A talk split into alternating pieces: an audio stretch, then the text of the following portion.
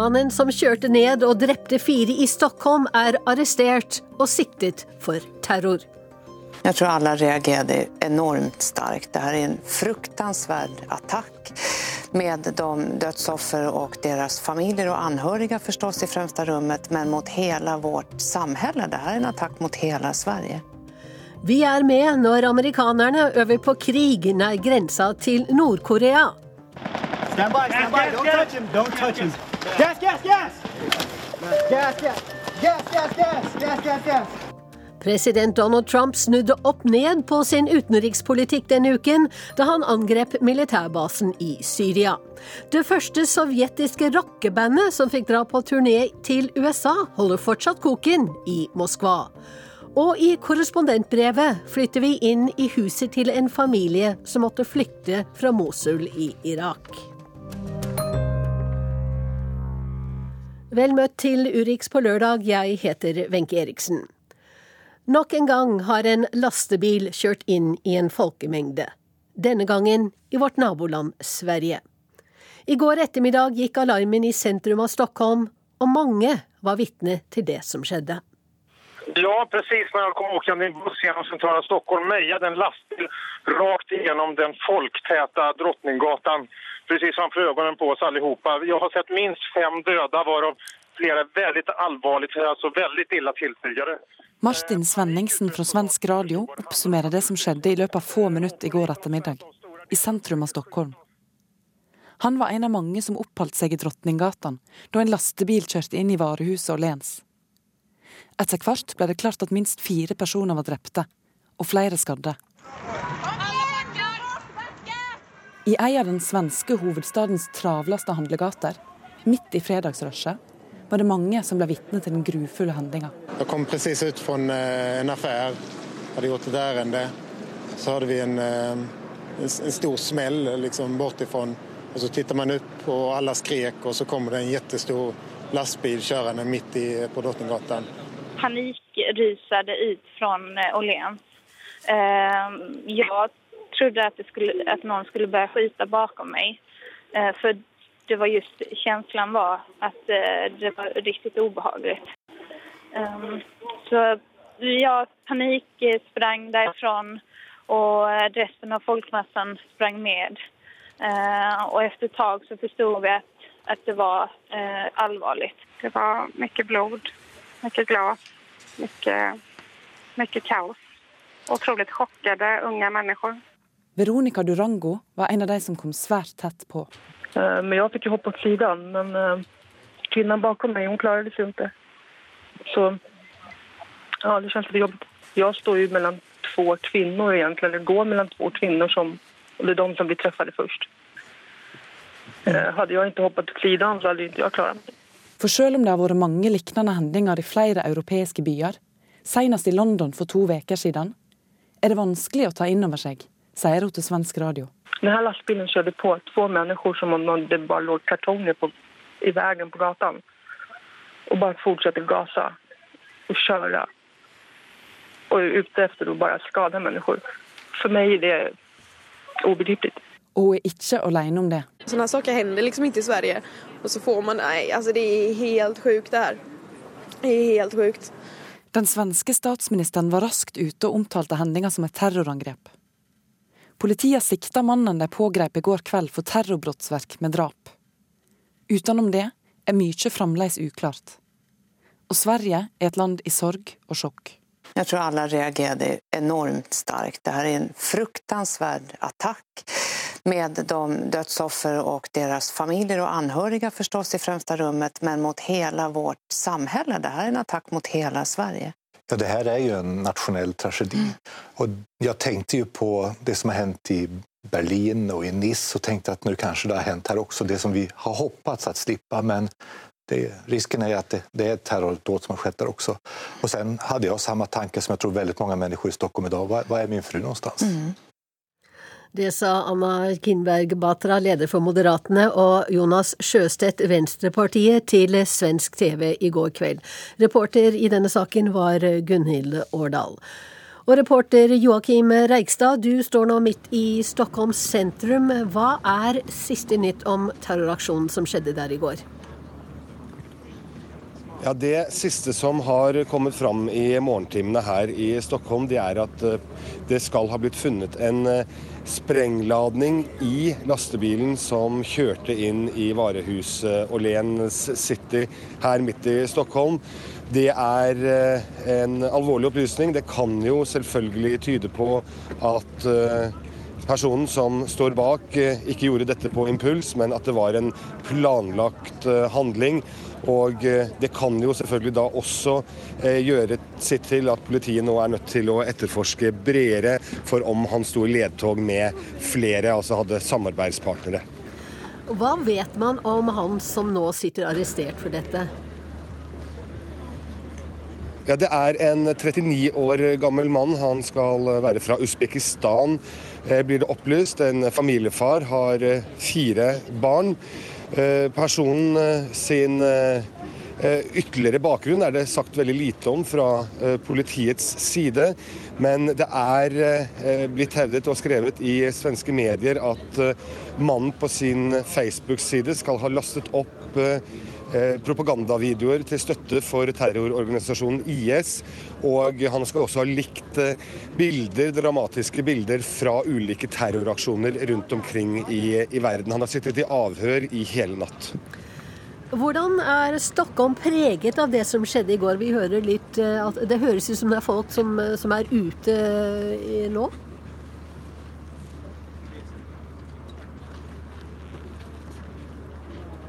Ja, det er mange som har kommet hit til Drottninggatan og eh, står ved politisperringene eh, like ved eh, åstedet der bilen altså traff varehuset.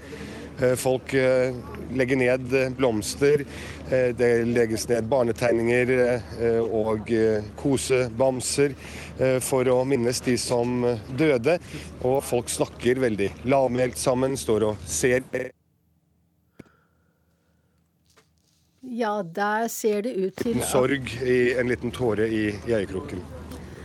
Ja, vi mistet deg litt, men uh, vi forstår da at uh, stockholmerne og svenskene i det hele tatt er da selvfølgelig preget av jeg vet ikke, jeg er med deg fortsatt. Ja, jeg hører det. Ja. Jeg hører det. Men eh, er alle transportmidler, butikker og sånne ting åpne nå? Er, har ting begynt ja. å vende tilbake til det normale?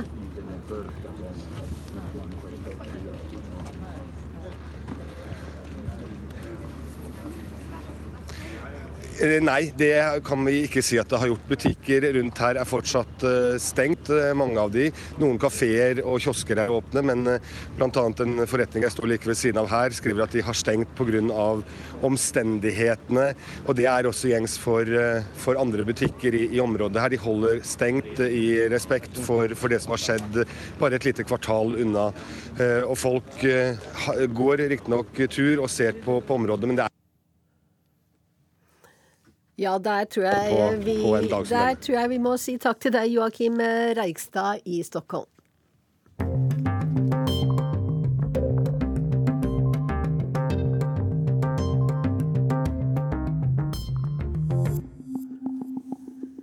Forholdet mellom Nord- og Sør-Korea er mer spent enn på lenge. Begge land tester nå ut sine raketter og hevder de er klare til å gå til krig mot hverandre. USA er Sør-Koreas viktigste allierte og har mer enn 30 000 soldater der. De holder store øvelser for å trene på det som kan møte dem i en krig med Nord-Korea, annet kjemiske og kjernefysiske våpen. Reporter Eirik Veum har vært med de amerikanske styrkene.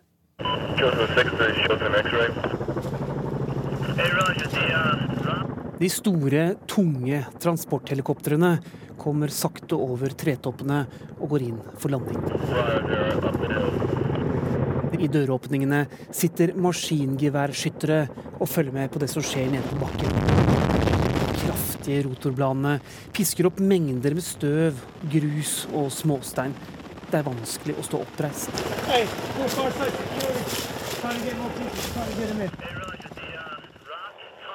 Helikoptrene har med seg hundrevis av amerikanske soldater fra andre infanteridivisjon, en hæravdeling som er stasjonert her i Sør-Korea.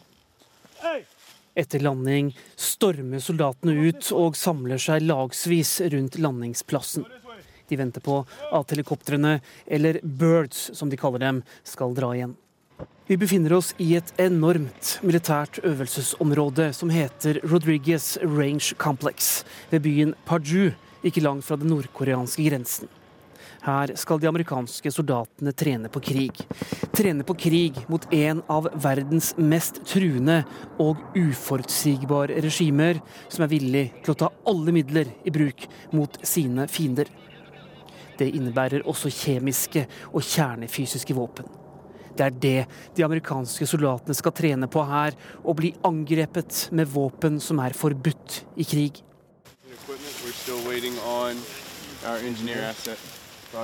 Soldatene trekker inn i et skogsområde et stykke unna. De samler seg for sambandskontakt med hovedkvarteret og kontroll på våpen og utstyr. De gjør seg klare til å rykke noen kilometer fremover, inn mot en landsby der det er blitt sagt at det skal befinne seg fiendtlige styrker. Det er kjølig i dette området nå. Våren har ennå ikke kommet til denne delen av Sør-Korea. Trærne står nakne, snøen er borte, det er grått og trist med kuldegrader om nettene. Inne i skogen lukter det støv, bark og tørt gress. De amerikanske soldatene beveger seg sakte innover i skogen. De er i alarmberedskap og snakker lavt sammen. Uh, right now, our uh, platoon is making our way to our objective rally point. What's in there?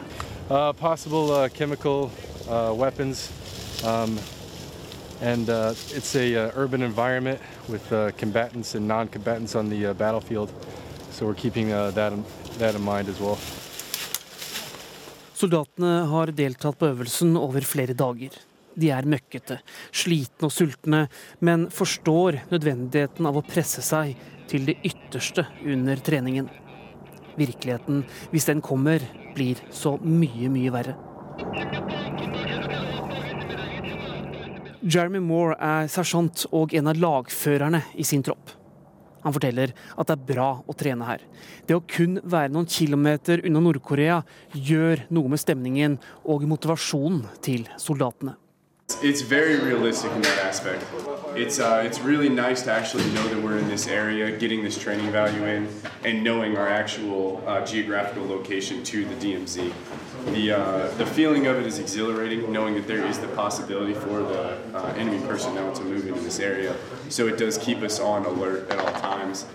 Etter et par timer er soldatene fremme ved landsbyen. Den er bygget opp som et treningssenter for krig og ser ut som en vanlig landsby. Her bor det sivile, her er et sykehus, butikker, høyblokker, en barneskole, trange bygater og en liten elv som deler byen i to. Alt virker stille og rolig. Her møter soldatene en sørkoreansk panseravdeling. De skal fungere som støtte, men det er amerikanerne som skal gå inn først. Soldatene beveger seg forsiktig gjennom bygatene. De følger med på hvert vindu, hver døråpning og ser opp mot takene. Stemningen er spent, nesten litt nervøs. Det er her soldatene regner med å møte motstand, og den kommer. Let's are boarded and just want to pop through this fucking cardboard. I feel like they're shooting at this building. Yeah, we should clear this one. Øvelsen er lagt opp til å være så realistisk som mulig. Hver gang en soldat blir skutt, går det en alarm inni stridsvesten. I en virkelig krig ville soldaten vært død. First floor is clear. Hey, hey, whoa, whoa. We got enemy up the hallway. Enemy upstairs. Et av de amerikanske geværlagene har virkelig havnet i trøbbel.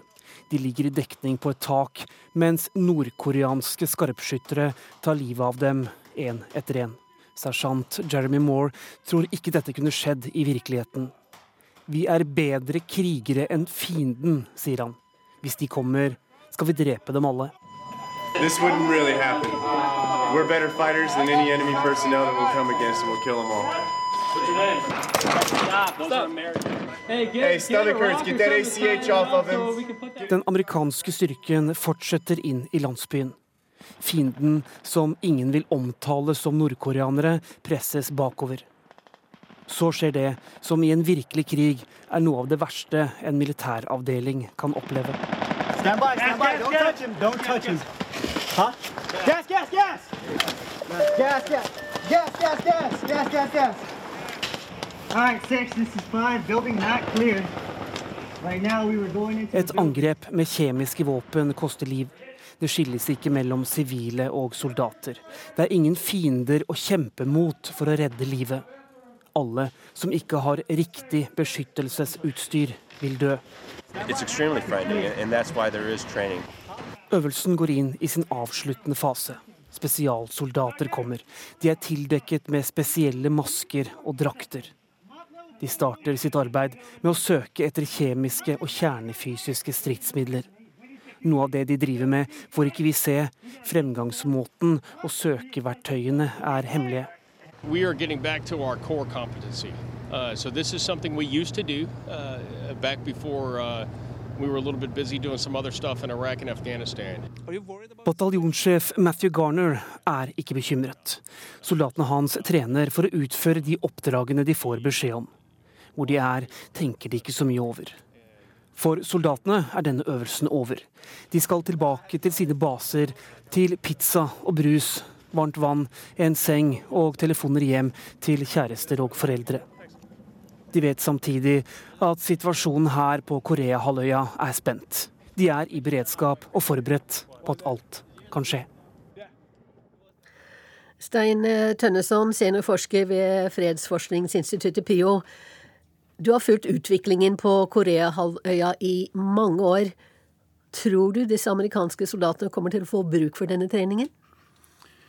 Det tror jeg det er en eh, ganske stor risiko for.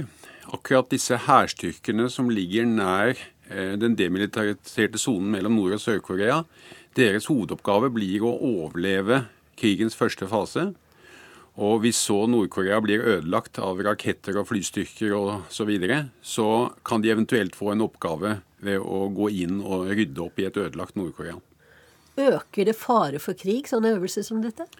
Ja, det gjør det utvilsomt. Disse årlige øvelsene som kalles Foul Eagle Exercise, skaper hvert år større frykt enn året før for at det vil bli en reell krig. Og jeg er ikke i tvil om at diktator Kim Jong-un nå er redd for at det kommer et amerikansk angrep denne måneden. Hvordan vil sånt, en sånn krig utarte seg? Den første fasen blir avgjørende. Spørsmålet blir om Nord-Korea klarer å sende ut sine raketter, sine raketter med atomvåpen. Eh, og om de klarer å få brukt det svære artilleriet som de har nord for den demilitariserte sonen, før dette blir ødelagt. Så for amerikanerne gjelder det å ødelegge det så fort som mulig. For nordkoreanerne så gjelder det, hvis de tror at det nå kommer et angrep, om å bruke dem umiddelbart. Så det er på en måte i de første minuttene at krigen avgjøres. Og det øker risikoen for at en sånn krig kan bryte ut. Det er et veldig dystert bilde du, du tegner her. Eh, og vi har hørt veldig mye om eh, nordkoreanernes atomvåpen. Men hva vet vi om Kim Jong-uns kjemiske våpen? Ikke mye, men det antas at han har kjemiske våpen. Og da han nylig, etter alt å dømme, lot sin bror myrde på flyplassen i Kuala Lumpur med et kjemisk middel, så ble det oppfattet som et slags signal til verden om at vi har kjemiske våpen. Det er eh, mange som snakker om timingen av eh, USAs overraskende rakettangrep mot Syria natt til i går. Fordi det skjedde så å si samtidig som Donald Trump tok imot Kinas eh, president Xi Jinping i Florida. Blir det angrepet i Syria tolket som et slags varsel om at Nord-Korea kan bli det neste målet hvis ikke Kina ordner opp? For Kina er jo Nord-Koreas allierte, da. Slik er det allerede blitt tolket. Vi vet ikke om det var hensikten. Vi vet ikke om timingen var, en, var også en hensikt fra Trumps side. Men det er blitt tolket på den måten. Og Kina har jo også hvert eneste år protestert mot disse krigsnære øvelsene som Sør-Korea og USA gjør i samarbeid. Men kan Kina ordne opp, for å si sånn, eh, i Nord-Korea? Hva kan de gjøre? Hva slags press kan de øve på, på nordkoreanerne? Der må vi først si at Kina og Nord-Korea er absolutt ikke venner lenger. Nord-Korea stoler ikke på Kina et øyeblikk, og de angriper Kina hele tiden. Kim Jong-un har ikke engang besøkt Kina. Eh, og så må vi si at 70-80 eh, av handelen som Nord-Korea har, er med Kina. Så Kina kan jo gå inn med sanksjoner og begrense handelen. Det, og det er det USA ønsker at de skal gjøre. Men det vil i stor utstrekning gå utover befolkningen, hvor det allerede er varsler om at det kan oppstå ny hungersnød. Det andre Kina eventuelt kunne tenke på, men som vi nesten aldri hører om, det er jo en, en kinesisk militærintervensjon. For det er jo ganske påfallende at i dagens verden så er Russland og USA makter som i stor grad bruker makt i sin, i, i sin utenrikspolitikk. Men det gjør ikke Kina. Verken Kina eller Japan. Altså Disse to statene i Øst-Asia har holdt fred mellom seg og inspirert fred i regionen i så mange år. Men samtidig har de bygd seg opp militært. Så spørsmålet er hvor lenge kan de fortsette å opptre fredelig på den måten når Russland og USA er så aktive militært. Så jeg frykter at Kina kan tenke seg å bruke militærmakt også. Og de er sikkert i gang med også å planlegge mulige inngrep eller intervensjoner i Nord-Korea for å fjerne Kim Jong-un. Kan du si litt mer om det, for dette er ting vi ikke har hørt noe om? Nei, det snakkes ikke om det. Og når jeg har tatt det opp med kinesiske kolleger, så sier de også at det er helt utelukket. For vi ønsker ikke noe regimesammenbrudd i Nord-Korea. Men det Kina ønsker minst, er jo et regimesammenbrudd som fører til en gjenforening av hele Korea på amerikanske og sørkoreanske betingelser. Sånn at du får et amerikansk alliert Korea helt opp mot kinesiske kjerneområder. Og de ønsker heller ikke et sammenbrudd som fører til masse flyktninger inn i Kina. Dette er argumentet mot å intervenere, men nå er så mange kinesere blitt så lei av Kim Jong-un på kinesiske sosiale medier så kalles han Tjukke-Kim den tredje. De er, og de er et press innad i Kina for å slutte med å støtte det nordkoreanske regimet. Stein Tønnesson, jeg tror ikke dette blir siste gang du kommer i Urix på lørdag for å, å, fortelle oss om utviklingen eh, på Koreahalvøya. Dette var veldig spennende tanker. Takk for at du var med nå. Selv takk. Det har vært et par heftige utenrikspolitiske døgn i USA og i verden. På 36 timer siden snudde eh, på 36 timer snudde president Trump utenrikspolitikken sin på hodet og angrep Assad-regimet, og det etter å ha avvist og latterliggjort muligheten for noe slikt både i valgkampen og etter at han ble president. Og som nevnt så kom dette angrepet midt i Trumps møte med Kinas president. Tove Bjørgaas oppsummerer fra Palm Beach i Florida.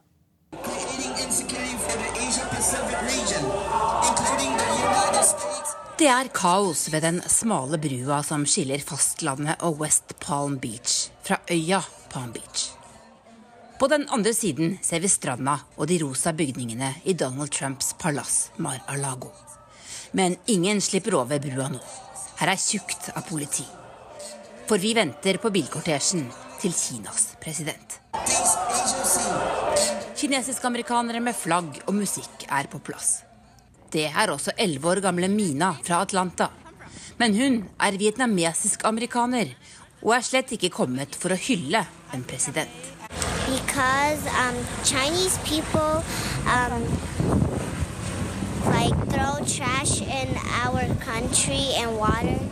So you come here to tell the president that?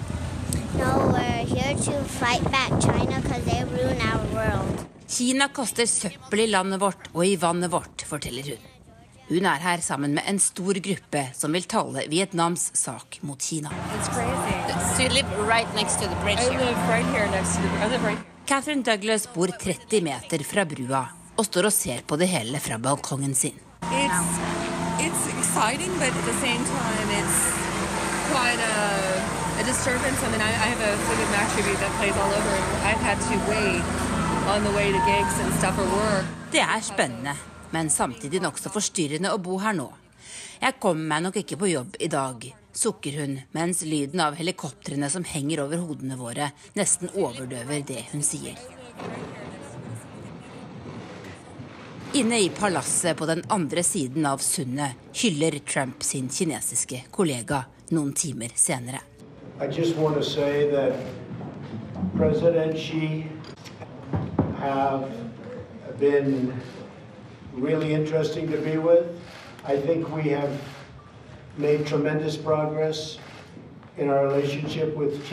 President Xi har vært interessant å være sammen med, og vi har gjort fantastiske framskritt for forholdet mellom våre to land, sier Trump. Han går ikke i detalj, men er blitt invitert til å fortsette samtalene i Beijing senere i år. En selvsikker amerikansk president har også vist sin kinesiske kollega at han våger å handle når han mener det er nødvendig. Slik var det en fordel at rakettangrepet i Syria kom under Sis besøk, mener noen kommentatorer. Men hvor mye alvor mener Trump når han nå har endret fullstendig kurs i utenrikspolitikken? Planlegger han flere angrep i Syria? Marco Rubio, republikansk senator og rival fra valgkampen, mener han bør det. I think the bigger issue is what happens from here on out. And we spent a lot of time debating tactics, airstrikes or no airstrikes. Demokratene er skeptiske og vil at Kongressen skal droppe påskeferien og kalle inn til Syria-debatt. This might not be uh, the final act when it comes to airstrikes against the Syrian regime. And if that's the case, I don't trust the ability of the Trump administration to be able to thread. Jeg tror ikke dette er slutten. Jeg stoler ikke på Trump-administrasjonens evne til å håndtere dette, sier senator Patrick Murphy til NBC. Men kritikken mot Trump kommer også fra et helt annet hold. Nemlig fra hans egne mest ihuga tilhengere. Wow, a lot is happening behind the scenes as well today. So a lot is going to be breaking throughout the transmission. Obviously, 59 cruise missiles uh, sea launched. Dette er Alex Jones, programleder på nettstedet Infowars. Kjent for å spre både konspirasjonsteorier og fake news. I går sendte han direkte i mer enn fire timer med voldsom oppslutning. They're all pretty upset with President Trump right now. From a Machiavelli perspective, I know exactly what he's done. Det er mange som er forbanna på Trump nå, og jeg forstår dem, sier Jones. I går hevdet Trump-tilhengere på Twitter at gassangrepet i Syria var orkestrert av USAs forsvarsbyråkrati i et forsøk på å velte Trump. Konspirasjonsteoriene florerer allerede. Spesielt etter at avisene her har begynt å skrive at sjefstrateg Steve Bannon kan være på vei ut av Det hvite hus.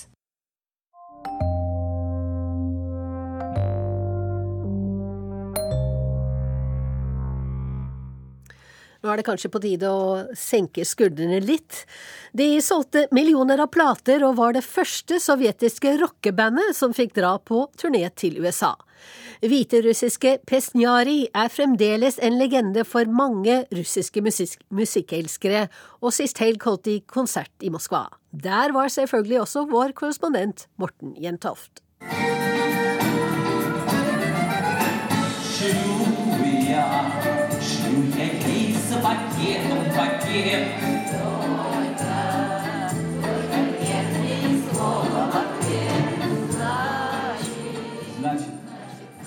Ingenting å si på stemningen og engasjementet i konsertsalen under den mektige Kristus Frelser-katedralen i Moskva, da gruppen Pesnari fra Hviterussland inntok scenen sist lørdag. Et godt voksen publikum tok imot sangene med applaus og allsang. Песни нашей молодости. Да, очень да. любим. Мы, все- мы все песни, ну там, пели, частично. Dette er musikk som vi liker, sier Sinaida og Svetlana, som sitter ved siden av meg i salen denne kvelden. Они приезжали к нам, мы по телевидению много их видели, мы их очень любим. De kommer ofte hit for å opptre. Vi har sett dem på TV også, forteller de to kvinnene, som forteller at de selv ikke kommer fra Hviterussland, hjemlandet til Pesnjari, men likevel synger med, selv om mange av sangene til gruppen er på hviterussisk. Vi kan synge på ukrainsk også, sier Sinaida og Svetlana. Dette er musikk for dem som drømmer seg tilbake til den gangen både Hviterussland, Ukraina og Russland var ett land, Sovjetunionen.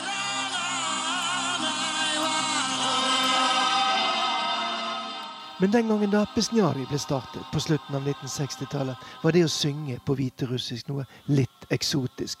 Derfor var ensemblet som ble startet og ledet av den legendariske artisten Vladimir Muljavin, noe spesielt, forteller Vladislav Misevic, som en eneste fra den opprinnelige besetningen som står på scenen denne kvelden i Moskva. Конечно, но это и было, так сказать, самое важное в том, что мы начали и с трудом... Det var noe nytt at vi brakte tradisjonsmusikken inn i mer tradisjonell underholdning, sier Vladislav Misevitsj, som synger og spiller fløyte og saksofon i Pesnjari. Og denne tradisjonen den har vi holdt helt fram til i dag, og det ser jo ut til at folk liker det vi holder på med.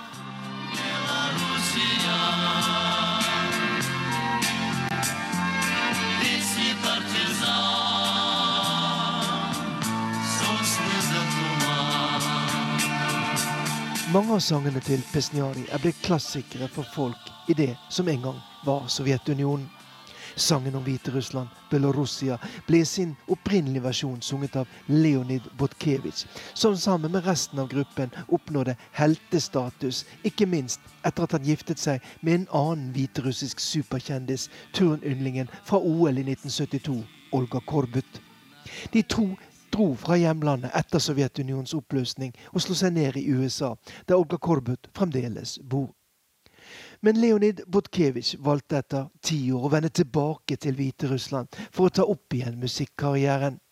Det skulle også bli starten på en strid som fremdeles forvirrer, fordi det i dag er hele tre grupper som bærer videre Pesnjari-navnet ett ledet av Botkevitsj, et statlig orkester som består av unge musikere, og Belaruskije Pesnjari, som ledes av Vladislav Misevic.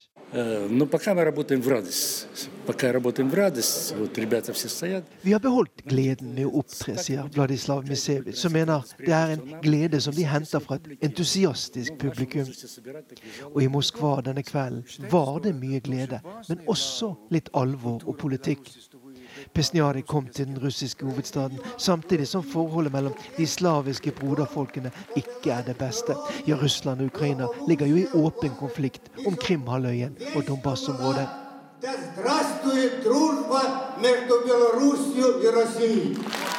Plutselig stavrer en gammel mann i uniform med brystet fullt av medaljer seg opp på scenen. Både for å takke for musikken, men også for å hylle vennskapet mellom Hviterussland og Russland.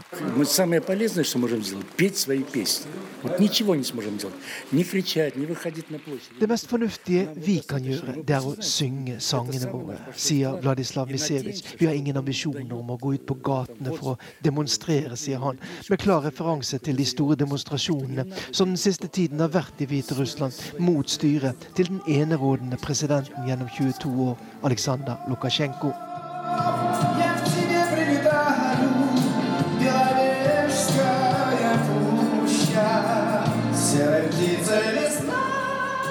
Men det er mange tanker som går gjennom hodet, både på meg og resten av publikummet i kjelleren på Kristi Frelsers katedral denne lørdagskvelden. Ikke minst når Pesniadi stemmer i med en av sine aller mest kjente sanger. Beloveskaja Pusta, nasjonalparken vest i Hviterussland, der Sovjetunionen i praksis ble oppløst under et toppmøte i desember 1991.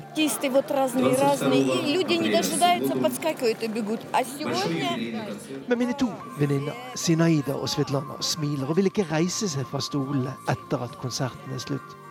Dette er bare så flott. De er så flinke, sier de to, og er nå klar for neste konsert med nostalgisk sovjetmusikk fra den hviterussiske gruppen Pesnjari.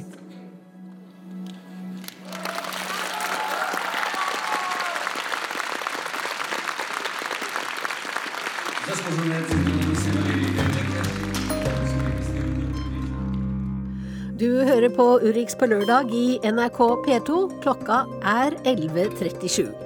Terroraksjonen i Stockholm er hovedsaken vår i dag. Den antatte gjerningsmannen er arrestert, og ifølge ubekreftede meldinger så har politiet funnet sprengladninger i lastebilen som ble brukt for å drepe fire mennesker. Ti mennesker ligger fortsatt på sykehus, og fire av dem har alvorlige skader. I Sør-Afrika øker presset om at president Jacob Zuma må trekke seg, og i går marsjerte demonstranter mot ham i de største byene i landet. Misnøyen kommer ikke bare fra opposisjonen og finansnæringen.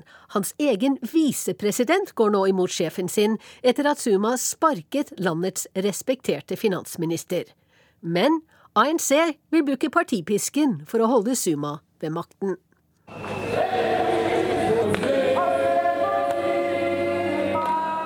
Frustrerte sørafrikanere går ut i gatene med plakater der det står 'Fire Zuma' og 'Jacob Zuma must go'. De er lut lei den sittende presidenten.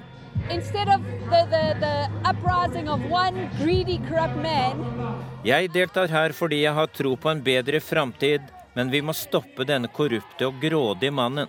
Det sier Anne Marie van der Lindelen, Meddemonstranten Dorian Koma er sint på hele regjeringen Suma.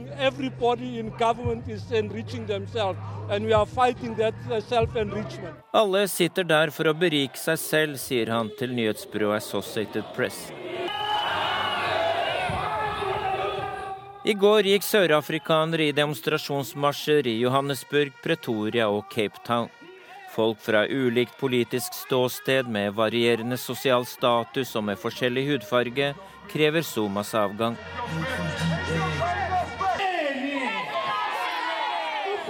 Demonstrasjonene gikk stort sett rolig for seg, men Johannesburg skjøt politiet gummikuler mot ANC-tilhengere som forsøkte å stanse den fredelige protestmarsjen der.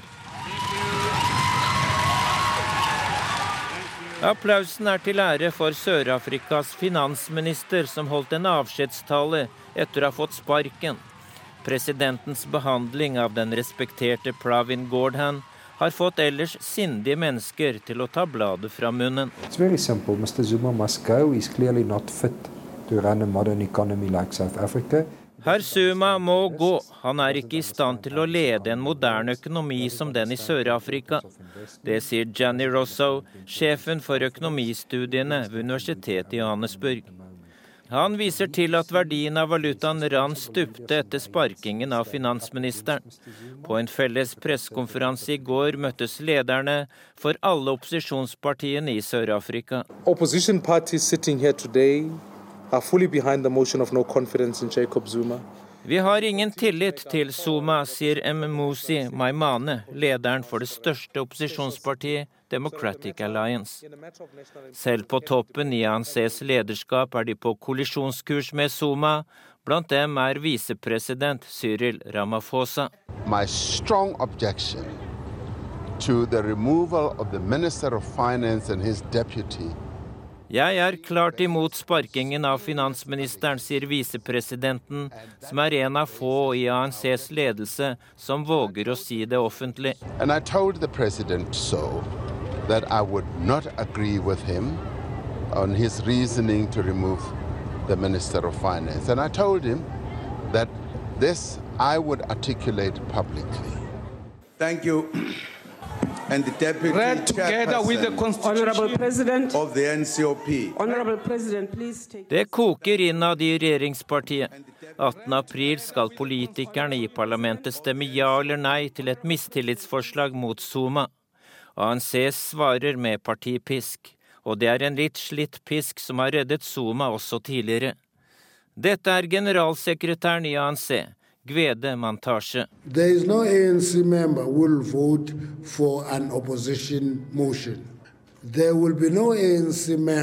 det er ingen i ANC som vil stemme for et mistillitsforslag lagt fram av opposisjonen. Ingen.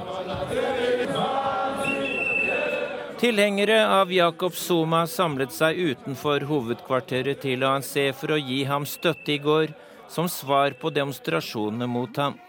Venstresiden i partiet og partipisken kan redde ham denne gangen også. Mange håper på en bedre framtid uten Zuma.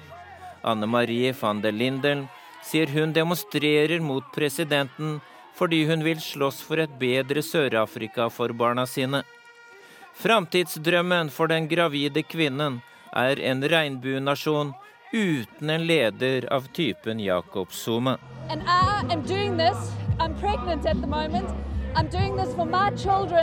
and my children's children because I believe that we have the most beautiful, amazing country and we have every right to fight for, for this, the future of this amazing country. Og reporter i denne saken var Dag Bredvei. For hard språkbruk og for liten innsats for å bygge tillit var grunnen til at fredsforhandlingene mellom Tyrkias regjering og den kurdiske motparten PKK brøt sammen i 2013. Det sier en som var med og meklet under fredsforsøket. Nå håper han at folkeavstemningen om en uke kan gi nye muligheter for at kurderne kan få fred etter tre tiår med konflikt. Süren bu çatışmalar artık. Demokratik sivil siyaset döneminin başladığını ifade ediyordu. Vi står på terskelen av en ny tid med demokrati og sivil politikk, ikke væpnet kamp. Det var budskapet fra PKKs leder Abdullah Öcalan i 2013, forteller Shah Ismail Bedir Hanolo. Han leder organisasjonen for industriledere og handelsmenn i Sørøst-Tyrkia. Alt lå til rette for at det skulle gå bra. Regionen har et enormt potensial, og den kurdiske forretningsmannen ramser opp. Tekstilindustri, irrigasjon, turisme, helse og utdannelse, for å nevne noe. Da fredsprosessen var godt i gang for tre år siden, strømmet internasjonale entreprenører hit fordi de så store muligheter her i Sørøst-Tyrkia. Økonomien blomstret opp i 2013, ja, den skjøt virkelig fart, og det var da vi åpnet dette hotellet her, sier han, og slår ut med armene som for å understreke poenget. Vi sitter sammen med Bedir Hanolo i en Porsche-sofagruppe i hans eget elegante hotell. Men vi ser ingen gjester her, det er helt stille i resepsjonen, og vi trodde først at hotellet var stengt. At konflikten har blusset opp igjen, har sendt økonomien vår til bunns. Vi rammes dobbelt, både av kampene her og av Tyrkias dårlige økonomi generelt, sier han. Så hva gikk galt med den høyst ønskede fredsprosessen? e, şekilde I siste halvdel av 2014 gjorde begge sider feil, både kurdernes politiske representanter og den tyrkiske regjeringen. For det første brukte begge en hard retorikk, og for det andre jobbet de ikke godt nok for å bygge tillit. Selv var han med i meklergruppen, og han var aktiv i dialogarbeidet. Men tiden med optimisme tok brått slutt da en selvmordsbomber slo til i byen Suruc i juli i 2015. Angrepet var rettet mot unge kurdere fra en sosialistisk ungdomsorganisasjon som ville gjenoppbygge den kurdiske byen Kobani på den andre siden av grensen, inne i Syria. Kobani var ødelagt av kamper etter at den syrisk-kurdiske militsen YPG hadde fordrevet IS fra byen. IS sa at de sto bak terroren i Suruc, som tok 32 liv, men selvmordsbomberens identitet er aldri blitt kjent. Som hevn mot terroren mot kurdiske ungdommer tok PKK livet av to tyrkiske politimenn. Dermed var våpenhvilen mellom det forbudte kurdiske arbeiderpartiet PKK og Tyrkias regjering over. Men 2015 var også året da et prokurdisk parti, HDP, skapte historie i Tyrkia. Venstrepartiet HDP fikk hele 13% av stemmene i valget i 2015, og fratok dermed regjeringspartiet AKP flertallet i parlamentet. Forretningsmannen og den aktive samfunnsborgeren Bedir Hanolo er ikke imponert over det prokurdiske partiet det siste året. sonra da seçimden sonra e, bir de hani yetmezmiş gibi 7 Haziran akşamı AK Parti ile asla koalisyon yapmayacağız cümlesini Kürtler yine yanlış değerli Da HDPs ene partileder Selhatin Demirtas sa at vi vil aldri sitte ved samme bord som regjeringspartiet AKP, var det en helt feilslått politikk. For da lukker man døren til forhandlinger om selvstyre, mener Bedir Hanolo. Nå ber HDPs politikere velgerne om å stemme nei i folkeavstemningen om en uke. Da skal alle tyrkere si ja eller nei til å gjøre president Erdogan mektigere på bekostning av regjeringen og parlamentet. Men er det nå så lurt å lukke den døren, spør mannen fra dialoggruppen. For om det finnes et håp om å få selvstyre, og om kurdisk selvstyre er et mål for kurdiske politikere, ja, så bør kanskje ikke en sterkere presidentmakt avvises. Det er dette alle kurdiske intellektuelle diskuterer så intenst nå.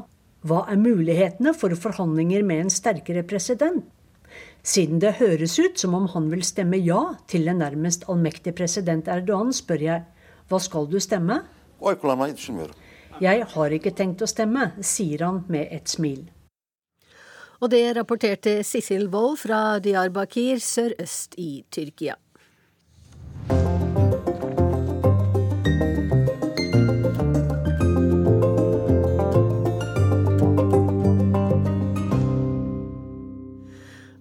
Midtøsten-korrespondent Kristin Solberg har vært i Mosul i Irak sammen med irakiske styrker som kjemper mot terrorgruppen IS. Det blir det korrespondentbrev av. Huset ligger i det som åpenbart er et velstående nabolag. Boligene her er i flere etasjer, de har porter og hager. Tigriselven med sin brede promenade ligger et steinkast unna. Beliggenheten må ha vært svært ettertraktet i fredstider. Nå er promenaden helt øde, broene over elven sprengt i stykker, og offentlige bygninger ligger i ruiner. De fleste som bor her, har flyktet. Huset på hjørnet er også blitt forlatt, og en liten gruppe soldater har flyttet inn. De bor her mens de kjemper ved frontlinjen mindre enn en kilometer unna, og i fem dager bor jeg der sammen med dem mens jeg rapporterer fra Mosul. Vi sliter da vi forsøker å finne fram til dem, vi skal jo ikke til en vanlig militærbase, bare et helt vanlig hus. Vi kjører forbi brente biler, svart røyk som stiger til himmelen, mennesker som graver etter rester av sine kjære i ruinene. Nå har vi kjørt forbi det samme forkullede liket tre ganger. Kanskje vi bør stoppe og spørre noen om veien, sier fotografen. Og fordi dette er Mosul, er det ingen som riktig tenker over hvor tragisk en slik setning er. Vi blir bare enige om å stoppe og spørre. Men det er ingen å spørre i de forlatte gatene. Da vi endelig kommer frem, blir vi møtt av kapteinen i andre regiment i andre bataljon i politiets elitestyrker, såkalt Emergency Response Division, eller ERD. Det er de som kjemper i gamlebyen i Vest-Mosul.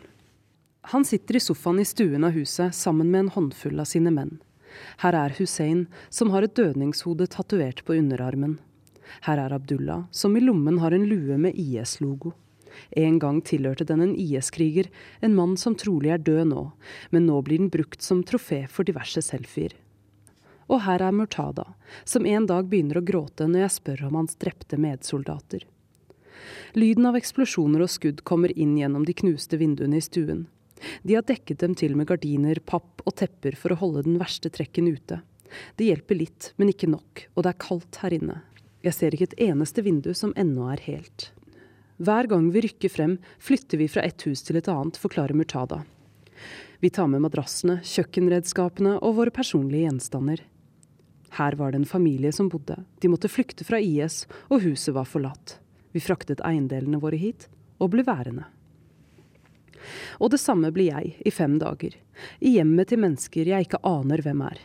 Men jeg vet at de har tatt vare på dette hjemmet, for i trappen står tøyblomster i potter på hvert trinn. I den ene stuen er det stoler nok til flere titalls gjester. Stoler der det nå ligger automatvåpen. Det er ingen bilder i huset, så jeg får ikke inntrykk av hvem familien ellers er. Bilder var forbudt under IS, og Mosuls innbyggere har fjernet dem fra veggene. Jeg blir tildelt en seng med rosa laken. En kontrastvegg matcher sengetøyet, og det samme gjør taket. Kanskje var det en jente som bodde her. Datteren i huset. Hvor er hun nå? Mens jeg ligger i en sovepose i sengen hennes og lytter til lyden av eksplosjoner fra luftangrepene? Jeg aner ikke. Den første natten sover jeg dårlig. Jeg drømmer at jeg er i en krigssone, en drøm som i og for seg er sann, og jeg fryser. Jeg har på meg tre gensere, ullstrømper, vanter og skjerf, men frostrøyken står fra munnen, og jeg kan ikke fatte at en by i Midtøsten er så kald i slutten av mars. Så er det heller ikke elektrisitet i Mosul, ingen oppvarming av betydning, men en generator på taket gir lys i noen timer om kvelden. Jeg tenker på dem som bor i ødelagte hus ellers i byen, eller i telt i flyktningleirene utenfor. Hvordan holder de ut? Bare fordi de må. Soldatene sover i rommet ved siden av, i rekker på matter på gulvet og med våpnene under puta. Abdullah kaller våpenet sin kjæreste. Det er det eneste som kan redde meg, sier han. Som en kjæreste man ikke kan være atskilt fra, må den være med meg 24 timer i døgnet.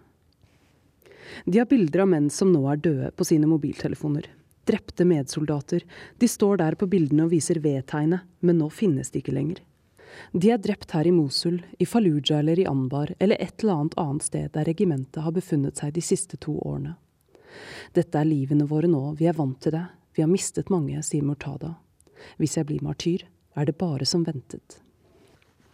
På mobiltelefonene har de også bilder av døde IS-krigere, men de selv eller medsoldater har drept.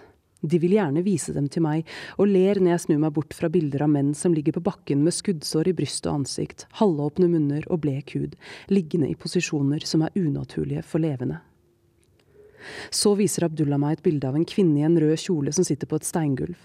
Hun har en fotlenke på begge føtter, ansiktet hennes er blodig, og hun stirrer trassig på fotografen, som åpenbart har tatt bildet mens han står ruvende over henne. Ten dollars, sier Abdullah på engelsk. Haram, sier jeg på arabisk, og han nikker. Bildet er av en jesidi-kvinne, en slave som selges av IS, og Abdullahs kommentar refererer til prisen, uten at jeg vet hvordan han vet det, eller om det i det hele tatt stemmer. Han har funnet bildet i et hus der IS-krigere bodde, et hus som nå ligger i delen av byen soldatene har tatt kontroll over. Hvordan går det med kvinnen på bildet nå? Er hun drept, fortsatt i fangenskap, eller har hun klart å rømme? Det er så mange fryktelige ting som foregår her i denne byen, så ufattelig mange mennesker som har opplevd mer enn man skulle tro at mennesker tåler. Soldatene har en liten pause mens jeg er der, hvis man noen gang riktig kan trykke på pauseknappen i en krig. De har mistet mange menn og mange kjøretøy, forklarer kapteinen. De skal hvile nå, samle krefter, få opp moralen, finne ut hva de gjør videre. Før den siste fasen av krigen begynner. Dessuten regner det. IS har et fortrinn når det regner, eller rettere sagt, irakske styrker har mistet sitt fortrinn. Koalisjonens bombefly står på bakken pga. dårlig sikt. Hva gjør en gruppe soldater mens de venter på neste slag? De spiller domino, brikkespillet som først bare virket som flaks, som yatzy nesten, men så ser jeg at det også beror på logikk og strategi. Kapteinen har spilt det så mange ganger at han vet hvilke brikker de andre spillerne har på hånden, bare ut ifra hvilke brikker som allerede ligger på bordet. Han vinner de fleste rundene. Han er så overlegen at den ene gangen jeg vinner, lurer jeg på om han egentlig lot meg vinne. Kapteinen er ikke mange år eldre enn sine menn, men han har en lavmælt autoritet. Under hele oppholdet hører jeg ham aldri heve stemmen, men et blikk fra ham er nok til å få de andre til å sprette opp fra sofaen og tørke den evinnelige gjørmen fra gulvet ved døren. Han sørger for at de holder huset rent. Bord tørkes like etter måltider. Trapper feies frie for støv. Oppvasken blir aldri stående på kjøkkenbenken. Noen ganger spiller soldatene fotball med de få ungene som er igjen i nabolaget, som endelig kan leke utendørs igjen, men som sier at de må passe seg for raketter. Da går de inn, forteller de. Guttene snakker mer enn noen andre barn jeg har intervjuet noen steder i verden. De klarer ikke å slutte, men snakker i munnen på hverandre om fedres butikker som er ødelagt i luftangrep, henrettelsene som IS utførte, om hvordan barn spionerte på voksne for IS, så alle måtte passe seg. Den eneste jenta blant dem, lille Zainab på sju år, er stille. Den eneste gangen jeg får henne til å snakke mer, er når jeg spør om dukken hennes. De var forbudt under IS, som så på dem som uislamske idoler, og moren hennes måtte gjemme dem på taket. Når moren vurderte det som trygt nok, hentet hun dem fra skjulestedet i en liten stund, mens hun sørget for at inngangsdøren var låst, så Zainab kunne få leke. Mens vi står der, hører vi flere eksplosjoner. De er ikke langt unna. Vi hører skyting, heller ikke det langt unna, og for hver lyd beveger ikke Zainab et øyelokk. Jeg har sett voksne menn skvette av langt mindre, men det rykker ikke i den tynne kroppen hennes. Hun bare står der og smiler til meg. Det er noe i luften dagen før jeg drar. Men jeg ikke har sett før. Andre soldater i andre hus kommer og går. Kart brettes opp på stuebordet. Om kvelden er middagsbordet fullt av proteiner. Kjøtt, kylling, bønner, mer kjøtt. Om morgenen har kapteinen ringer under øynene og spiser ingen frokost, men han drikker en energidrikk på få sekunder. Soldatene ringer hjem til sine mødre og sier at alt er vel i Mosul. Pausen er åpenbart snart over. Kampen, det siste avgjørende slaget, er nært forestående. Men mitt opphold i Mosul er forbi. Idet jeg drar, tenker jeg at jeg en dag skal tilbake hit, til huset på hjørnet. Jeg vil takke familien som bor her, familien jeg ikke aner hvem er. Jeg håper de har kommet tilbake da, og at Mosul er annerledes. Jeg håper promenaden langs Tigreselven er full av mennesker. Jeg håper forkullede lik ikke lenger ligger i veikanter. Jeg håper lukten av de døde fra ruinene er borte, at de overlevende på et eller annet vis har klart å leve videre. Og hvis de hører den høye, plutselige lyden av en bombe, håper jeg at barna skvetter sa altså Kristin Solberg. Det blir ikke noe Urix på TV i, i påskeuken, men utenriksredaksjonen her i NRK holder deg selvsagt oppdatert på radio, TV og nett hele påsken, og Urix på lørdag er tilbake på påskeaften. Teknisk ansvarlig for denne sendingen var Guri Finnsveen, produsent Marit Selmer Nedrelid, og her i studio satt Wenche Eriksen.